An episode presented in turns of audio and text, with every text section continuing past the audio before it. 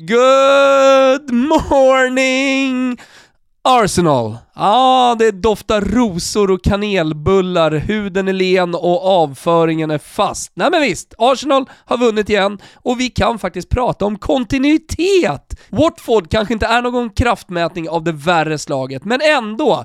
Nu har man inte förlorat sen City den 28 augusti och det finns faktiskt inte mycket att klaga på. Om detta är ihålande vet jag inget om, men Arsenal, ah, de är med. Med kan man väl inte direkt säga att Manchester United är efter 0-2 på Old Trafford mot City. Jag minns faktiskt inte vad de hade för målsättning, men efter snart en tredjedel av Premier League spelad är man alltså 9 poäng från Chelsea i toppen och alla fattar ju att det såklart inte blir någon titel. Frågan är vad det blir om det blir något annat än fiasko.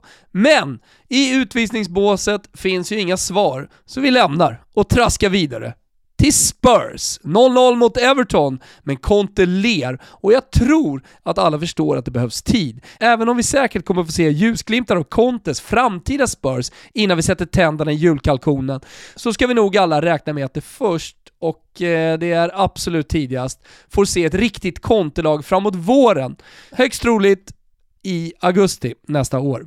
Chelsea sa vi va? Mm, just det, lite hack i den annars så välspelande skivan och bara kryss mot Burnley, men eh, de var inte ensamma. Även Liverpool snubblade och föll mot West Ham. Tecken på trötthet, tecken på något.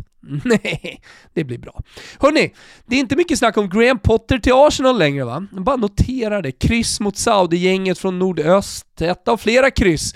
Bielsa, ja han sitter säkert, tydliggjorde Andrea Radrizzani. Och Leeds kryssade mot Leicester. Mest glädjande från Premier League, eh, kanske inte helgen, men de senaste veckorna, är att min gubbe Rally Jiménez är tillbaka igen. Jag vet inte, jag kanske har nämnt det i svepet tidigare, det minns jag inte. Men han börjar i alla fall se ut som sitt gamla jag igen, och det är ju superhärligt. Från stöven då? Jo, jag konstaterar att det är full kalabalik och att ränderna aldrig kommer gå ur italienarna.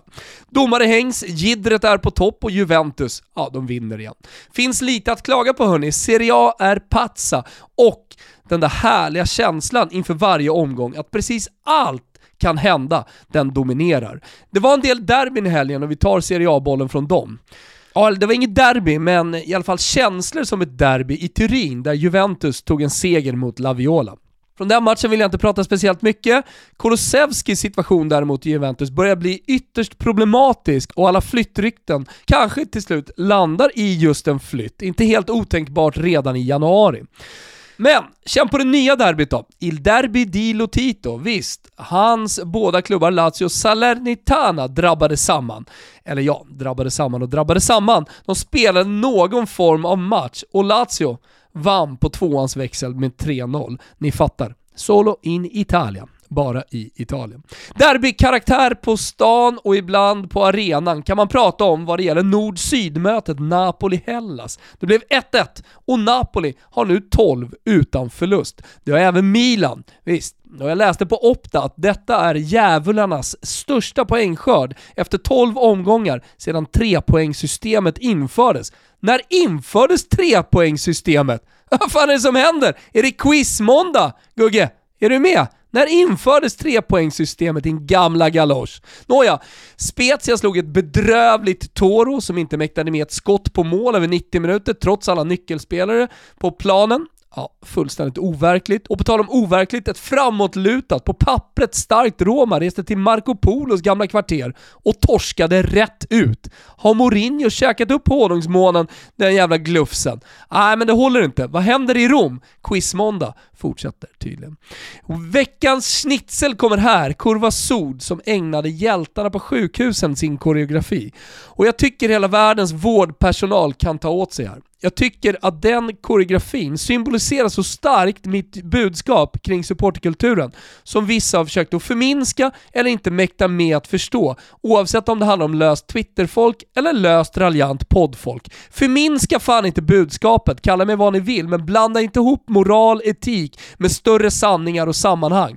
Titta på Kurvas ord, Försök få in det i era skallar och meditera Just det, meditera och skit på er lite grann. I Spanien gick Alexander Isak mållös från matchen mot Osasuna, men La Real vann igen och de skiner i toppen av La Liga.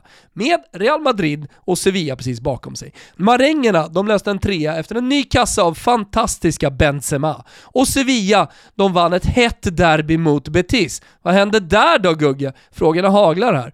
Barca då? Ah, men det blev 3-3 mot Celta efter kvittering i den femte Liksom tilläggsminuten. Men men, det är precis som med Spurs. Vi ska se detta som ett mellanår och även små positiva delar får bli anledning till glädje under säsongen 21-22. Men hörni, nu blir det för långdraget. Jag bryr mig inte längre om klubbfotbollen. Ja, men ge mig bara Georgien borta, servera Spanien på ett silverfat, ge mig Isak och Zlatan, ge mig Lack Janne, ge mig mål! Jag vill ha mål! Mera mål! Och mål, det kommer det att bli! Och bollen tar i stolpen